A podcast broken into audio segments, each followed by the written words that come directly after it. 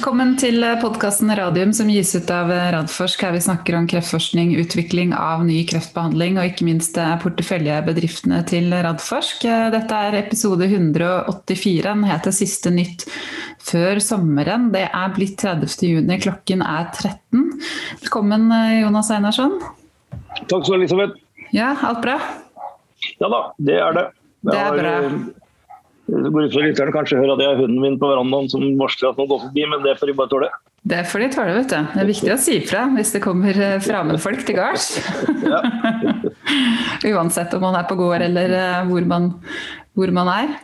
Um, vi hadde vel egentlig tenkt å ta, ta, sommerferie, men eh, vi får ta det etter denne lille nyhetsoppdateringen. For nå skjedde det plutselig en del absolutt positive ting som vi må ha med oss.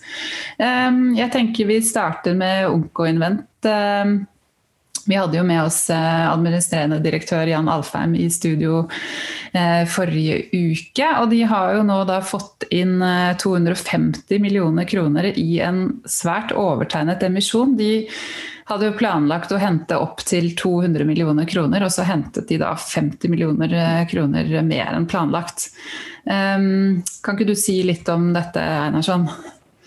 Jo, det er jo en, egentlig en helt forventa at det skulle komme en emisjon nå. på, på bakgrunn av at eh, har uh, fått gjennomført nesten ferdig de første fase 1 kliniske studiene. og med bra resultater, bra, bra på TOX og såkalt biodistribusjon, som er kjempeviktig akkurat for dette medikamentet. Å se at det går dit det skal i bukhulen, sprer seg og, og, og da forhåpentligvis virker der det skal. Eh, noe, noe effektdata får vi jo ikke eh, ut av denne, det er eskalerende, men, men veldig vellykket. Eh, markedet tok godt imot at vi skulle hente, hente, inn penger. Det er helt riktig at vi satte den til å begynne med på 100 til 150, nei, fra 150 til 200 millioner. Og så var det en veldig stor demand. Og da kan man jo se er det noe for Vi er veldig nøye på å si hva vi skal bruke pengene til når vi henter inn. Og Hvis vi skal hente 50 millioner til, er det noe vi da kan gjøre for å utvikle selskapet videre som vi ikke kunne gjort uten de? Og svaret er ja, vi har andre ting i pipelinen eh, som har gått på litt sånn lowburn nå, inntil nå, fordi vi har måttet prioritere veldig med, med midler også. Og Med disse ekstra midlene kan vi kaste inn mer penger og ressurser på det, og forhåpentligvis da utvikle raskere nye kandidater i, i pipelinen. Så det, det, var, det, det, gikk veldig bra. Og ikke minst, uh, siden jeg sitter i styret der og er, uh, vi er investert der, en stor takk til de store investorene i selskapet som virkelig stilte opp. Altså det, var, det var garantert på 114 av de 150 når vi gikk ut i markedet. Mm. Sånn at det bare viser at de, de, virkelig har tiltro til selskapet. Det, det er kjempefint. Og ikke minst det det teamet har gjort Eh, med, Jan, med, med Jan Alfheim nå med å gjennomføre denne studien i covid-19-tider, det er eh, mildt sagt imponerende. Så nei, dette, er, dette er hyggelig før sommerferien. Mm. Absolutt. Eh, og det var en veldig fin artikkel i Finansavisen om dette også. Det var vel Jeg husker ikke helt hvilken dag det var, men man kan gå tilbake hvis man Eh, den ligger faktisk åpent ute på nettsida deres. Det er ikke alle, alle, sakene som gjør, det. Men de har jo en fantastisk track record også å vise til. Da, Roy Larsen og Øyvind Bruland og også Jan Alfheim med bakgrunn fra Algeta og, og Nordic. Um, og så kan man jo gjerne høre på forrige episode, episode 183. Hvis man uh, har gått glipp av den, så får man enda mer informasjon. Um, hvis vi går videre, så uh, Vaxibody kom jo som de hadde sagt uh, ut med nyheter da om uh, den planlagte studien de skal gjøre i altså mot covid-19-viruset. Så de sendte ut en melding i går, var det vel, hvis ikke jeg husker feil. Ja. Om at de da starter en fase 1-2-studie i friske frivillige. Med da faktisk to ulike andregenerasjons vaksinekandidater.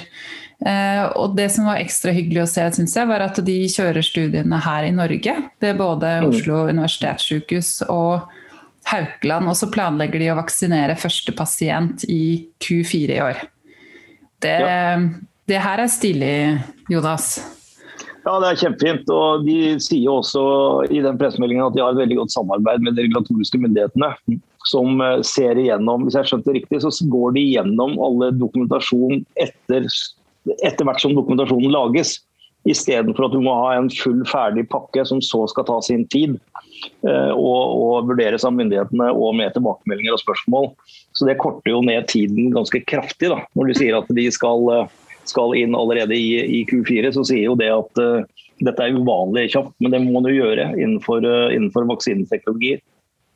Det synes jeg er kjempespennende. Eh, det er jo bare å lese, lese, om hva som skjer rundt i verden med både litt for lite vaksinerte med delta-varianter, eh, delta pluss og alt som er. Eh, og at det kommer til å trengs den type vaksiner i lang lang tid fremover. det er jeg helt sikker på. Så er det veldig spennende da, at de, de er jo de første, den kandidat nummer to hos dem. Den går jo ikke på dette spike-proteinet som alle andre vaksiner gjør. Kandidat én er på spike-proteinet. Men denne går på, på flere enheter av viruset, som, eh, som de forklarte oss i, i den podkasten vi snakket med de. Mm. Eh, som de da mener at viruset mye vanskeligere kan mutere seg bort fra. Mm. Pluss plus at de nå legger vekt på at i tillegg til antistoffer, alle vaksiner til nå er eh, fokusert på antistoffer. Det er disse også, men i tillegg så er de også fokusert på å produsere CD8 og CD4-celler. Og jeg tenker at i hvert fall CD4-celler, Hvis man får det, så er jo disse long lasting og memory og, og kan kanskje gi en, en, en uh, mer langvarig immunrespons mm. også. Så, så jeg syns dette er kjempespennende. og det at et, et norsk selskap nå er, virkelig melder seg på, på racet og, og er med og har en teknologi som kanskje er enda bedre enn mRNA-teknologi. Man skulle jo tro at børsen hadde eksplodert, men eh, vi kjenner jo Oslo Børs. Den sendte Vaxibody ned. Ja nei det, ja, nei, det, har jeg ikke noen kommentar til, merker jeg. Ja. Det er jo bare tøysete. Eh, men jeg skulle til å si at um, de som har lyst til å høre den episoden hvor vi har med oss Gunstein Norheim, hvor han som er da, jobber med dette her til daglig altså hva er han for noe? Direktør for infeksjonssykdommer i, i Vaxibody ble han vel ansatt for å være? Ja, ja, ja. Eh, han var med oss i episode 155 sammen med Agnete, så eh, gå gjerne tilbake der og så hør mer om hva de, de har eh, jobbet med. Jeg vet ikke om det er noe mer å si om den det friske frivillige den skal gå i? Ja, friske frivillige, og, og det sto også øh, tidligere behandlende behandlede pasienter og behandlingsnaive. Så det går, mm. Da går jeg ut ifra at statusen deres i forhold til om de har hatt sykdommen eller ikke, eh, ikke spiller inn. Eller litt usikker, men, men jeg tror de gjør det for å få eh, så bredt inklusjonsmateriale som mulig. Og, og, se på Det er spennende å se på blodprøver både av de som eventuelt har hatt behandling eller vært behandlet for covid-19, og de som ikke har. Eh, og kan sikkert lære veldig mye av det. Uh, og så er det selvfølgelig helt riktig som man gjør i vaksiner, som vi også nå har, skal begynne med i kreftvaksiner, og, gå på friske frivillige. For da går jo inklusjonen så utrolig mye raskere. Mm. Så det er spennende. Mm. Ja, veldig bra. Eh, friske frivillige, det er jo fin, eh, fint stikkord for eh, neste nyhet. Um, for Hubro Therapeutics har også vært ute og hentet inn penger. Og de har da hentet inn 60 millioner kroner, hvorav Kanika, som eies av Stein Erik Hagen, har investert eh, halvparten. Og de midlene skal de da bruke til sin første kliniske studie i nettopp friske frivillige, eh, som også starter i Q4 i år. Kan ikke du si litt mer her? Du sitter som i styret her, gjør du ikke det? Styreleder. Styreleder. Bare, bare Beklager, styreleder. Nå er det disclaimeren på det. Jeg har vært med og jobba med John Amund i alle år. Nei, Jeg syns det var kjempemoro, fordi at vi var jo litt spent på hvordan dette skulle bli mottatt. Og spesielt altså at Hubro nå har to kandidater under utvikling. Den ene er eh, FMPV1, som, som, er i gåseøyne en tradisjonell uh, terapeutisk kreftvaksine. Uh, tradisjonell i gåseøyne fordi det har utviklet mange tidligere, men både Ultimax og Targovax jobber jo med det. Men da mot den, den tredje kandidaten som Gustav Gaudnak og Jon Amund og flere utvikla eller fant fram til på 80-90-tallet. Som er den såkalte frameshift-mutasjonen. Uh, og den er den vi skal starte med i Friske frivillige nå ganske kjapt. Det blir spennende å se på resultatene av den. Men i tillegg så jobber vi nå med det som heter eh, FMPV2. som er en bredere vaksine, men altså mot flere sånne fremskrittmutasjoner. Og Der er tanken at vi kan flytte den til profylaktisk. Altså, hos pasienter med, med Lynch syndrom er det vi vurderer og tror at vi kommer til å lande på, som uh, antagelig er den desidert beste indikasjonen. Og det er uh, folk som har denne mutasjonen og da altså har Lynch syndrom, de nesten uten unntak utvikler kreft i en relativt tidlig alder. Og Da kan man kanskje finne en måte å designe en studie sånn at man faktisk kan vaksinere før de utvikler. Dette er ikke ferdig tygd ennå hvordan man skal sette opp designen, men det er et veldig veldig spennende prosjekt og et utrolig spennende potensial. Eh, og det slo tydeligvis godt an. Eh, Kanika er tungt inne i eh, Mm. Og har et styremedlem allerede der, Aitana. Og hun går også inn i styret i Hubro. Mm. Ultmax og PCI og Vaxibody er jo også Eh, tre selskaper i, i, vår portefølje som alle utvikler teknologi som kan brukes i en sånn profylaktisk vaksine. For da må vi ha en annen adjuvans enn den vi bruker i de terapeutiske. Så her er det jo veldig mye mulighet for at det kan bli et samspill og eventuelt samarbeid mellom flere av våre selskaper. og det, det er noe jeg brenner for. Så dette syns jeg er, er veldig, veldig moro og veldig veldig hyggelig at, at, investorer faktisk gir oss den tilliten og, og også, også, gir de pengene vi, vi eh, trenger der. Mm. Og da, er, da, har vi to sånne veldig solide ankerinvestorer i, i Ubro, med, med Kanika og Investinor. Eh, og så ikke minst eh, jeg har lyst til å nevne Jandersen Kapital og Mulig og Algot og flere som, som, har fulgt oss gjennom flere selskaper og, og, backer det opp. Så det er en investorbase som stort sett består av investorer som virkelig forstår denne sektoren både med tid og penger og hvordan vi jobber. Så det har vært en, en god forsommer så langt. Mm. Veldig bra.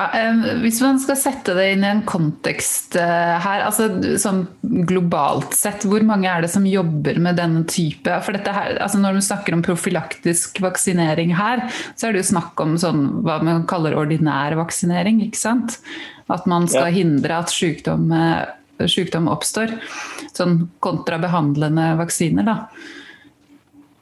Nei, altså Det er jo veldig veldig mange og, og, og internasjonale forskningsgrupper uh, som jobber med dette. Og peptidvaksiner, som jo dette også er, er, det, er en veldig stor del av feltet av de som jobber med kreftvaksiner nå. Og så har du onkolytisk virus uh, i, i, tillegg, med mye av samme tankegangen. Men å, å flytte det egentlig helt til til den profylaktiske settingen, eh, har ikke, der har man alltid tenkt at hvordan i all verden skal vi gjøre det? Vi må vaksinere 100 000 mennesker og vente i 30 år før vi kan lese av eh, resultatene. Eh, men da er det denne ideen altså med, med, denne Lynch syndrom som, som, kanskje kan være det som på en måte knekker den koden uh, litt. Grann. Mm. Og hvis den, hvis den, virker der, så er jo det, det som kjennetegner de, de uh, Lynch syndrom, er jo at de har denne MSI high, altså denne fremskiftmutasjonen. Uh, og så vet vi jo, Hvis vi tenker enda lenger ned så, på, på, ut i tid, så vet vi jo at at MSI high-pasienter er jo en indikasjon som for første gangen ble en sånn biologisk indikasjon med Ketruda. Mm.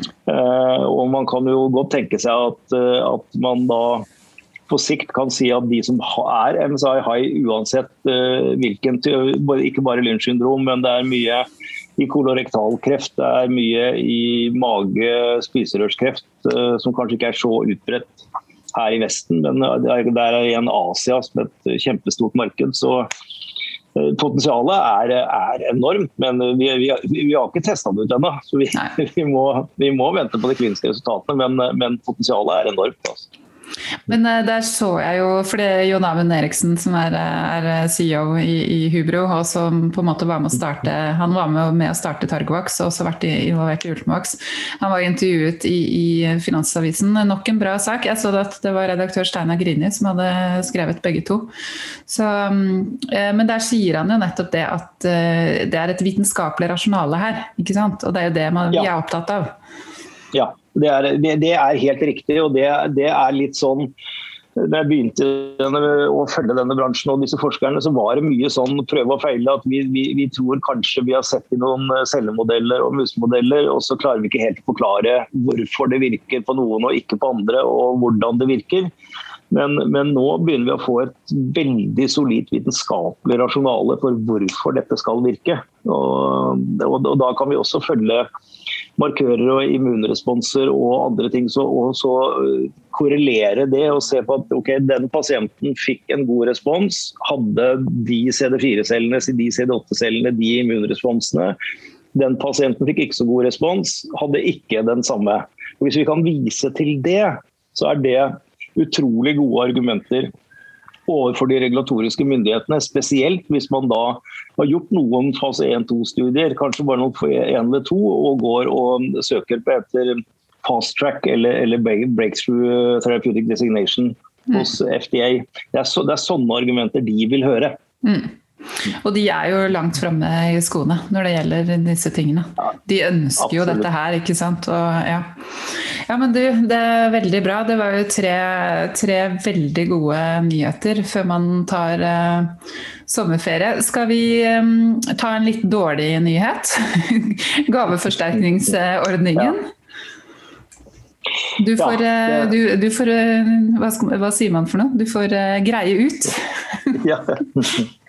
Nei, den, den, den, kom for en del år siden, så ble den borte for noen år siden, og så kom den tilbake for noen år siden. Og så har de surra fram og tilbake, disse kjære politikerne våre, med dette. Og nå plutselig skulle den da gå bort igjen. Det den gjør, er at der hvor den slår inn, eller har gjort da, frem til nå, så er det sånn at uh, hvis uh, noen donerer penger til forskning, uh, da dessverre bare Eh, begrenset til universiteter, noe som f.eks. tar bort hele Instituttet for kreftforskning, for de sorterer jo inn under sykehussektoren. Eh, hvilket i seg selv er, er veldig rart at de satte den begrensningen. Men uansett, hvis man da donerer 1 million og kommer inn under gaveforsterkningsordningen, så splitter staten inn 250 000. Eh, og dette har de bl.a. gjort med Kreftforeningen fram til nå, der hvor de har gitt til, til universitetene. Uh, og, Det er jo en voldsom stimulans. Altså det er klart, det er mange som spør meg om hvis jeg donerer to millioner, én million uh, til forskning, får jeg da f.eks. skattefradrag for det? Mm. Og så har vi kunnet si tidligere at I disse tilfellene hvor du har kommet inn under den ordningen, så får du riktignok ikke skattefradrag, men du får altså staten yter 25% i tillegg til å forsterke din gave. Det har vært et viktig argument uh, for å få opp dette. og dette med litt sånn mer filantropisk å gi penger til, til, forskning, og ikke bare gjennom innsamlinger og Kreftforeningen, har vi jo ikke noe veldig god tradisjon for i Norge, men det er jo noe. Vi har jo Olav Thon, vi har Trond Moen, vi har hatt flere Kavli-fond. Altså og, og, og vi ser jo nå at flere og flere ønsker å gjøre dette.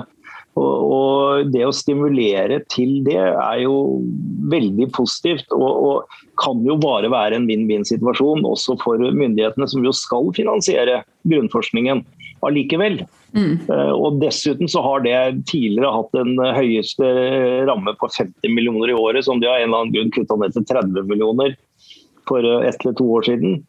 Eh, så den burde jo vært, eh, om ikke ubegrensa, så mye høyere. Og selvfølgelig dekt all type av, av grunnforskning. Så jeg syns dette er veldig rart. Og siden jeg nevnte Kreftforeningen, så, så er jo de nå i gang med en underskriftskampanje. Eh, som dere finner lenken til på, på hjemmesiden til eh, Kreftforeningen. og Jeg kan, ville, har skrevet under den selv og vil oppfordre alle til å, å signere på den og be myndighetene om å gjøre om på dette. Mm. Vi kan eh, dele den i, i, beskrivelsen til eh, episoden også, så er det jo bare å dele videre med venner og bekjente. For her er det jo da snakk om et eh, skal vi kalle det et privat-offentlig samarbeid som gjør jo at forskerne som, som, gjør basalforskning, får enda mer midler. Og dette er jo ofte forskere som ikke engang er fast ansatte, men de er helt avhengig av disse forskningsmidlene som de da søker om. Bruker masse tid og krefter på det også. Så det Ja. ja det, det, er helt, det, er helt, riktig. Er, sånn er det bare. Mm. Og, og, jeg skjønner ikke motivasjonen, entusiasmen og gløden til disse forskerne som sjelden vet om de har midler til å forske og jobbe videre mer enn et år eller to av gangen. Og starte søknadsprosessen på nye ting umiddelbart når de har fått en tildeling. Så, så, alt som kan forsterke den jobben de gjør, er jo bare positivt. Så det, dette håper jeg virkelig de snur på. Ja, og så er det jo viktig å si at dette gjelder jo ikke bare kreftforskning, dette gjelder jo forskning. Ja. ja. Men vi engasjerer oss jo selvfølgelig for, for kreftforskning. Ja. Men du, privat-offentlig samarbeid, det skal vi snakke mer om i Arendalsuka også. For det er nettopp det vi skal ta opp eh, der på den podkasten og, og møtet som vi har der sammen med flere andre. Så da, da, da, blir det mer om det. For det er jo veldig viktig at det legges til rette for privat-offentlig samarbeid.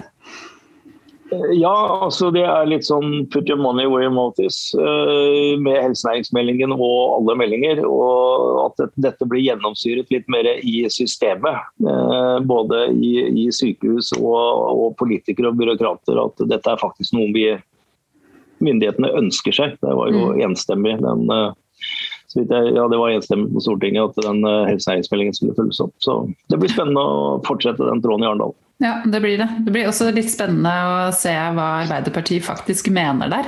For de har litt ja. sånn uh, todelt uh, kommunikasjon når det gjelder uh, private, private, innenfor helse. Så, ja, ja, det, kan man, det kan man trygt si. Men det, det, skal vi ikke foregripe nå. Det tar vi, tar vi, skal vi høre med Tuva Moflag når hun kommer i møtet vårt. Men du, tusen takk for kjempefin gjennomgang, Einarsson. Og så skal vi si god sommer nå, eller? Vi trenger litt flere vi, begge to, merker jeg. ja, vi, vi, vi, gjør det. Si god sommer, kom plutselig tilbake hvis det skjer noe. Ja, det gjør vi. Flott. Takk for i dag.